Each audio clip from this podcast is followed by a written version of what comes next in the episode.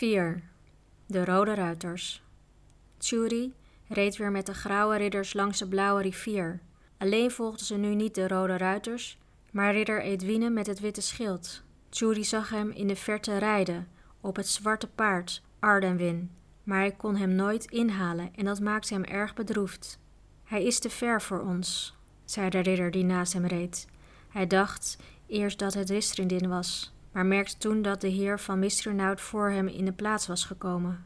Ristredin is naar het wilde woud, sprak deze. Hij mocht niet verder mee. Judy zag plotseling dat Leor aan de kant van de weg stond, met een dolk in zijn hand en een valse grijns op zijn gezicht. Hij schrok en tegelijkertijd hoorde hij Bendil roepen: Daar zijn ze, de rode ruiters. Ze vallen aan. Dit is jouw schuld, Jury. Jij hebt ze hierheen gelokt. Toen kwam Bendu naast hem rijden en schudde hem boos door elkaar. Judy werd wakker. De Ristrendin schildknaap stond over hem heen gebogen en schudde hem weer heen en weer. Schrik niet, zei hij lachend. Je moet alleen maar opstaan. Hè, zei Judy, terwijl hij ging zitten en zijn ogen uitwreef. Hij moest even denken voordat hij droom en werkelijkheid van elkaar kon onderscheiden. Hij had de vorige avond lange tijd met ridder Ristrendin in de gelachkamer gezeten. Ze hadden geen van beiden gemerkt dat de zandloper al had aangegeven dat hun wachttijd om was. Toen Jury eindelijk in bed lag, was hij, tegen zijn verwachting in, meteen in slaap gevallen. Maar nu had hij het gevoel dat hij de hele nacht had gereden. Hij stond op. De schildknapen van Risredin en Bendu, met wie hij een kamer deelde, waren al bijna klaar. Het was nog schemerig en vrij kil. Korte tijd daarna was hij beneden, in de gelachkamer. De grauwe ridders zaten er al. Risredin en Bendu waren in gesprek met een bleke, knorrige, uitziende Leor.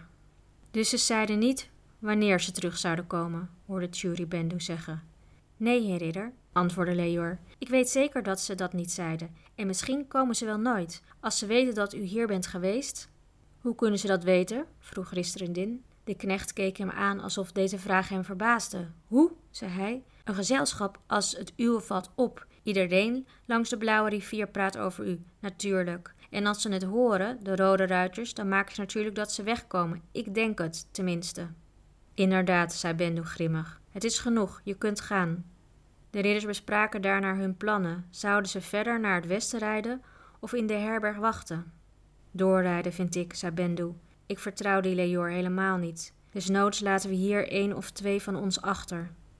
Judy hoopte dat de anderen met Bendu's voorstel in zouden stemmen. Hij moest in elk geval verder gaan en het zou prettiger zijn als hij niet alleen hoefde te reizen. De rode ruiters zouden hem immers zeker zoeken. Ja, het was de ridders aan te raden door te rijden.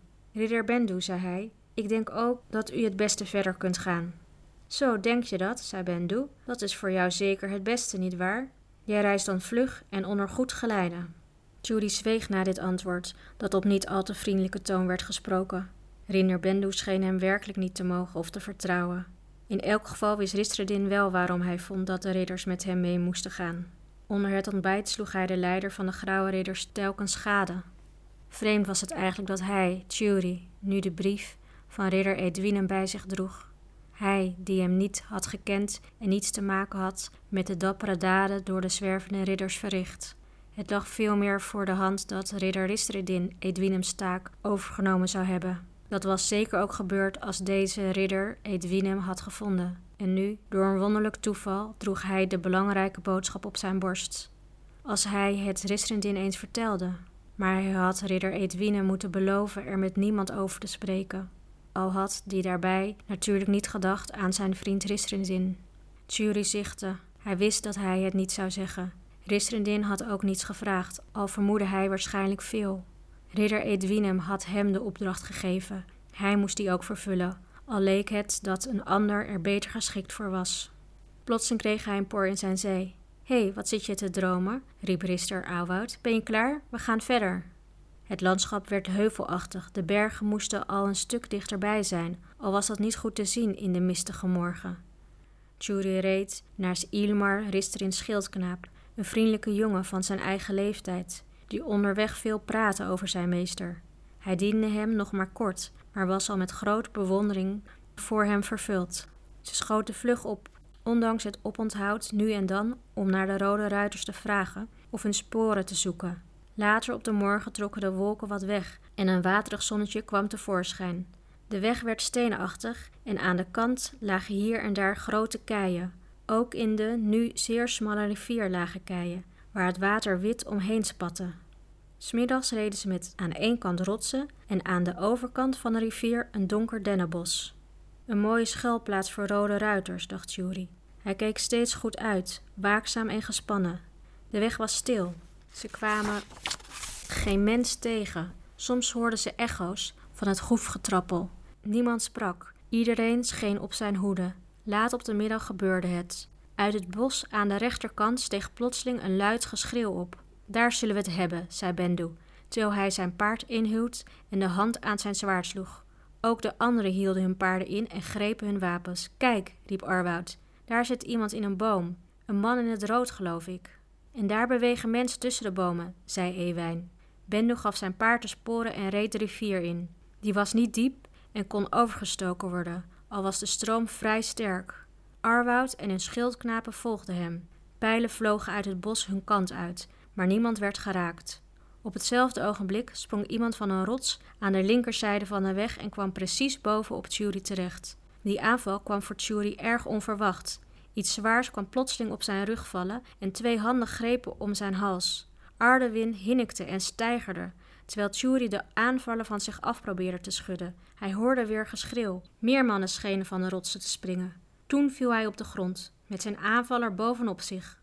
Later kon hij nooit precies vertellen wat er in die verwarrende seconden, het leken uren, gebeurde. Eén ding wist hij meteen. Het was de aanvaller om zijn leven en de brief te doen. Een poos worstelde hij met hem. Ze hadden geen van beide gelegenheid een wapen te pakken. Om hen heen was hoefgetrappel, geschreeuw en watergekletter. Eindelijk wist Jury zijn tegenstander te overmeesteren. Hij was half overeind gekomen en hield hem vast tegen de grond. Hij zag nu voor het eerst zijn gezicht. Een vreed, boosaardig gezicht was het, waarvan de mond zich opende en een geel uitstootte.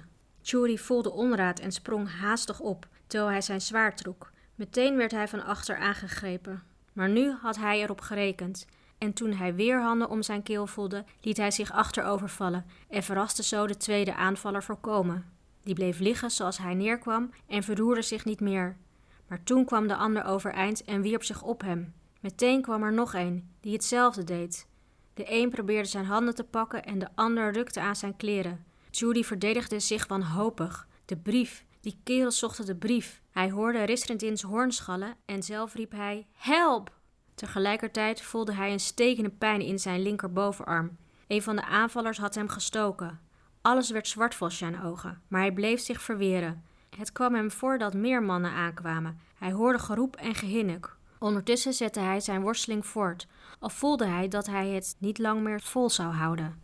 Maar ze hadden de brief nog niet. Nog niet. Plotseling voelde hij dat zijn aanvallers hem loslieten en daarna verloor hij het bewustzijn. Hij kwam bij toen iemand hem weer beetpakte. Met een schreeuw kwam hij overeind, zijn hand op de plaats waar hij de brief bewaarde. Rustig, rustig, zei ridder Ristrindin. Ik ben het, blijf liggen. Judy zonk weer achterover. Tot zijn grote vreugde en onuitsprekelijke opluchting voelde hij dat de brief er nog was. Met een zucht sloot hij zijn ogen. Hij merkte dat het lawaai van strijd was opgehouden. Alleen in de verte hoorde hij nog stemmen roepen. Hij opende zijn ogen weer en keek in het bezorgde gezicht van Risredin, die zich over hem heen had gebogen. Hoe gaat het? vroeg de ridder. Je bent gewond, maar niet ernstig, geloof ik. Oh, dat is niets, mompelde Judy, terwijl hij met enige moeite overeind kwam en wat duizelig om zich heen keek. Het gevecht was blijkbaar geëindigd. Twee rode ruiters lagen vlak bij hem. Ze waren dood. Een eindje verder lag nog iemand onbewegelijk. Hij was niet in het rood gekleed, maar hoorde niet bij het grauwe gezelschap. Ilmar was bezig met enkele paarden die onrustig bij elkaar stonden. Verder was er niemand te zien. Waar zijn de anderen? vroeg hij. De rode ruiters achterna, antwoordde Ristrindin. Ze zijn het bos ingevlucht. Hij onderzocht met vlugge, handige vingers Judy's wond. Dat valt inderdaad mee, zei hij. Wacht een ogenblik. Hij haalde zijn tas en nam er verbandmiddelen uit. Ilmar kwam eraan met een helm vol water. Ristrindin waste en verbond Judy's arm en zei toen: Ziezo, nu zullen we een beter plekje voor je zoeken. Hier zit je wel erg ongemakkelijk. Zonder op antwoord te wachten tilde hij Jury op alsof hij een kleine jongen was en zette hem neer aan de kant van de weg, waar hij kon leunen tegen een rots. Daarna liet hij hem een paar slokken drinken uit een fles kruidenwijn die hij bij zich had. En nu maar even rustig blijven zitten, sprak hij. Dan voel je je straks weer best. Het paard Ardewen kwam aanlopen, boog zijn hoofd naar Tjuri en besnuffelde hem. Dat dier heeft je leven gered, vertelde Ristrendin.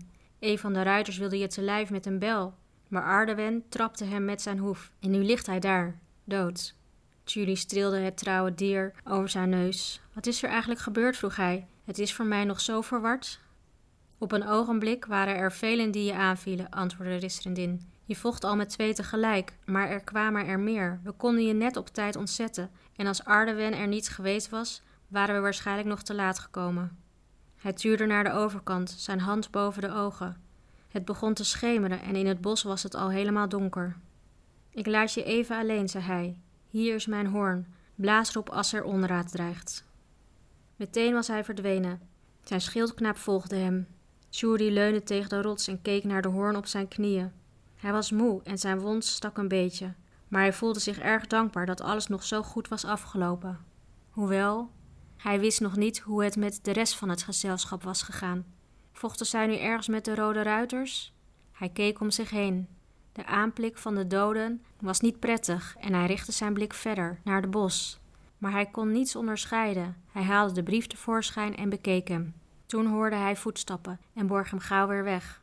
Het waren Ristrendin en Eelmar. We hebben gekeken of er niemand zich meer tussen de rotsen schuilhield, zei de eerste. Maar we hebben geen mens kunnen ontdekken. Hij wendde zich tot de schildknaap. Laten we nu eerst voor de doden zorgen, zei hij. We kunnen ze een eindje verder begraven of een hoop stenen boven ze opstapelen. Kan ik helpen? vroeg Shuri.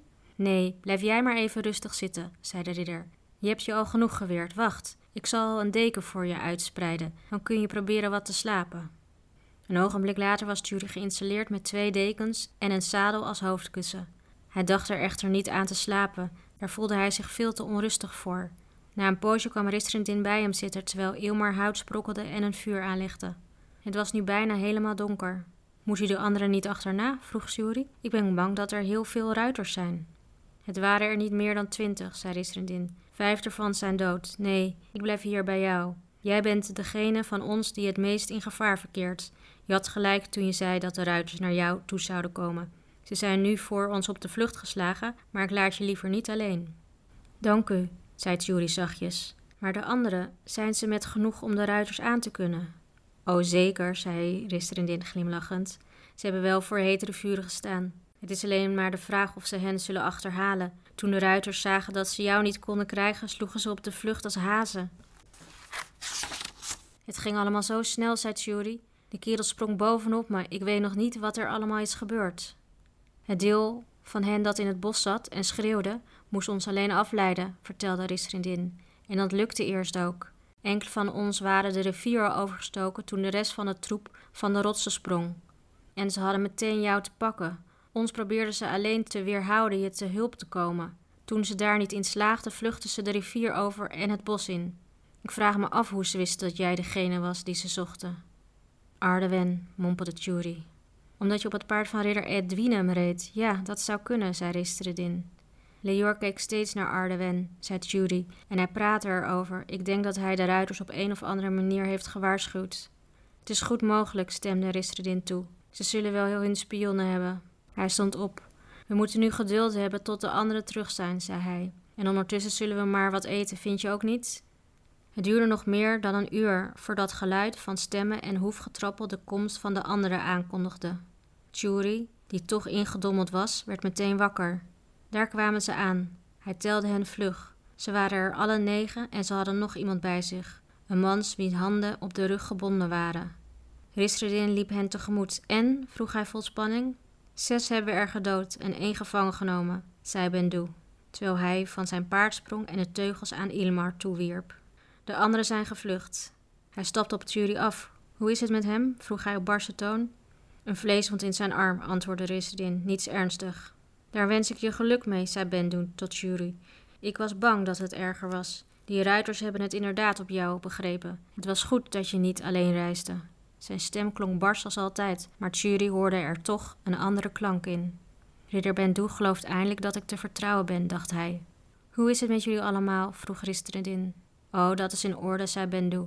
Arwoud heeft een snee in zijn hoofd en Ewijn Schildknaap heeft zijn arm wat gekneusd. Maar dat betekent niets. Ristrindin keek naar de gevangene. Het was een gedrongen, maar gespierde man met een woest gezicht. Hij was niet in het rood gekleed, maar droeg een grijze maliekolder over zijn haveloze kledij. Hoorde hij er ook bij? vroeg hij. Ja, antwoordde Bendu. Het waren niet alleen rode ruiters. Ik zag er twee bij in de zwarte wapenrusting van Eveland soldaten. Een ervan is gedood. En nog een stuk of wat schooiers als hij. Ik had liever een rode ruiter gevangen om te ondervragen, want deze kerel beweert dat hij nergens van weet. We zullen hem straks nog eens ondervragen, zei Ristrindin. Korter tijd was er veel te doen. De paarden werden afgetuigd en droog gevreven. De kwetsuren van Arwoud en de schildknaap werden verbonden en er werd eten klaargemaakt. Ondertussen vertelde Bendu wat er gebeurd was. De Rode Ruiters hadden duidelijk een gevecht willen vermijden. Pas toen ze werden ingehaald was het tot strijd gekomen. Een deel van hen had hiervan echter gebruik gemaakt door alsnog te vluchten. Het invallen van de duisternis had het onmogelijk gemaakt hen te vinden, en daarom waren hij en zijn metgezellen maar teruggekeerd. Maar hen zullen we ook hebben, besloot hij. Na het eten werd de gevangene ondervraagd.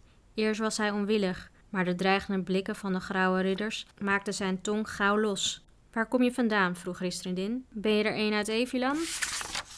Nee, zei de man nors. Ik kom vandaar, uit het bos. Hoe kom je bij de Rode Ruiters? Waarom vielen jullie ons aan? Ik weet het niet. Geef antwoord.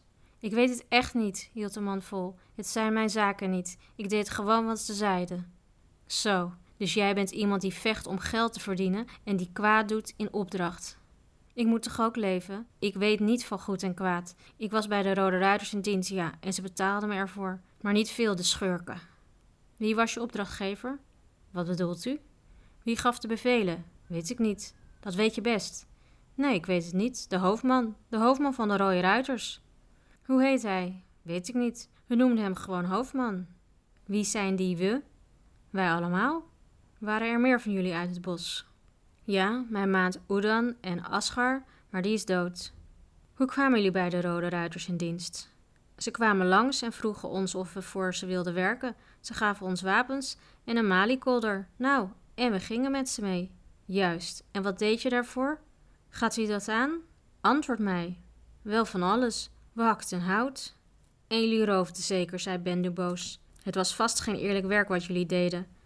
De man mompelde iets onverstaanbaars. Wie was je opdrachtgever? vroeg Ristrindin voor de tweede keer. Dat zei ik toch al, de hoofdman.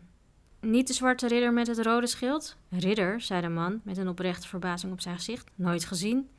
En daar bleef hij bij. Het was niet veel dat hij kon vertellen. De rode ruiters hadden hem niet toevertrouwd wat ze deden in Dagonautsrijk. De meeste van hen, vertelde hij, kwamen inderdaad uit Evilan, maar hij kende hen slechts kort, niet langer dan een week. Hij was dus pas na de moord op ridder Edwinem bij hen in dienst gekomen.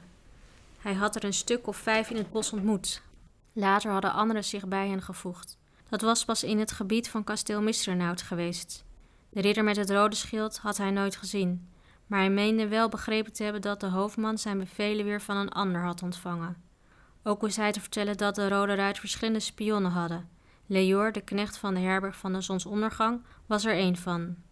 Van hem hadden ze via een ander gehoord dat het gezelschap der grauwe ridders in aantocht was, met een jongeling die ze al lange tijd zochten. Een jongeling die een zwart paard moest bereiden. Hij wist niet waarom ze die jongeling moesten hebben, maar vertelde wel dat de hoofdman erg boos was geweest toen hij vernam dat hij door de grauwe ridders begeleid werd. Van de verdere plannen van zijn opdrachtgevers kon hij niets zeggen. Je begrijpt dat je hiervoor gestraft zult worden, sprak Risterin streng. Zonder reden reizigersaanvallen op de weg is struikroverij. We zullen je overgeven aan de Heer die dit gebied bestuurt, en die zal je behandelen zoals je verdient. Wie is de Heer van dit gebied? vroeg Arwoud. De ridder van kasteel Westernout, antwoordde Ristrindin. Ik stel voor dat enkele van ons daarheen rijden om de gevangenen af te leveren en hulp te vragen in de vorm van krijgslieden en paarden. Dat is toch niet nodig, vond Bendu. We kunnen zelf die paar ruiters wel aan, zeker, zei Ristrindin. Maar wie weet zullen ze zich verspreiden en zich overal verschuilen. Het is daarom nodig dat iedereen in de buurt van hen weet en naar hen uitkijkt. Bovendien kunnen er wel meer zijn, misschien niet in het rood gekleed, handlangers en spionnen, ze mogen geen kans tot ontsnappen krijgen. Ja, als je het zo bekijkt, heb je gelijk, zei Bendu. Het is nu een uur of tien, half elf, vervolgde Ristrindin. De paarden moeten zeker een uur rusten. Dan kunnen drie van ons naar kasteel Westenhout rijden, met de gevangenen. Het is ongeveer vijf uur van hier en ze kunnen er dan zeker om vier uur zijn. Ik weet de weg wel, zei Ewijn. Op de heenreis naar de stad van Dagonout heb ik er overnacht. Er werd besloten dat hij zou gaan, vergezeld door Arwouds schildknaap en een van Mistrinouts wapenknechts. Ze zouden de rest van het gezelschap in de loop van de volgende dag ontmoeten, bij de plaats waar de eerste grote weg van de Blauwe rivier afboog. Wij zullen morgen vroeg wegrijden, zei Ristrindin. Dan zijn we daar omstreeks het middaguur. We zullen op jullie wachten. Jury sloeg zijn reisgenoten zwijgend gade. Hij vroeg zich af wat zij daarna zouden doen. De rode ruiters zoeken natuurlijk. Hij kon dan niet langer bij hen blijven. Hij moest verder, de blauwe rivier langs. Zijn taak leek hem plotseling weer erg zwaar toe. Maar dat kwam natuurlijk doordat hij zich niet goed voelde. Er werd niet lang meer gepraat. De wacht werd verdeeld tussen degenen die niet gewond waren of naar het kasteel Westernout zouden gaan. En daarna was het heel stil in het kamp.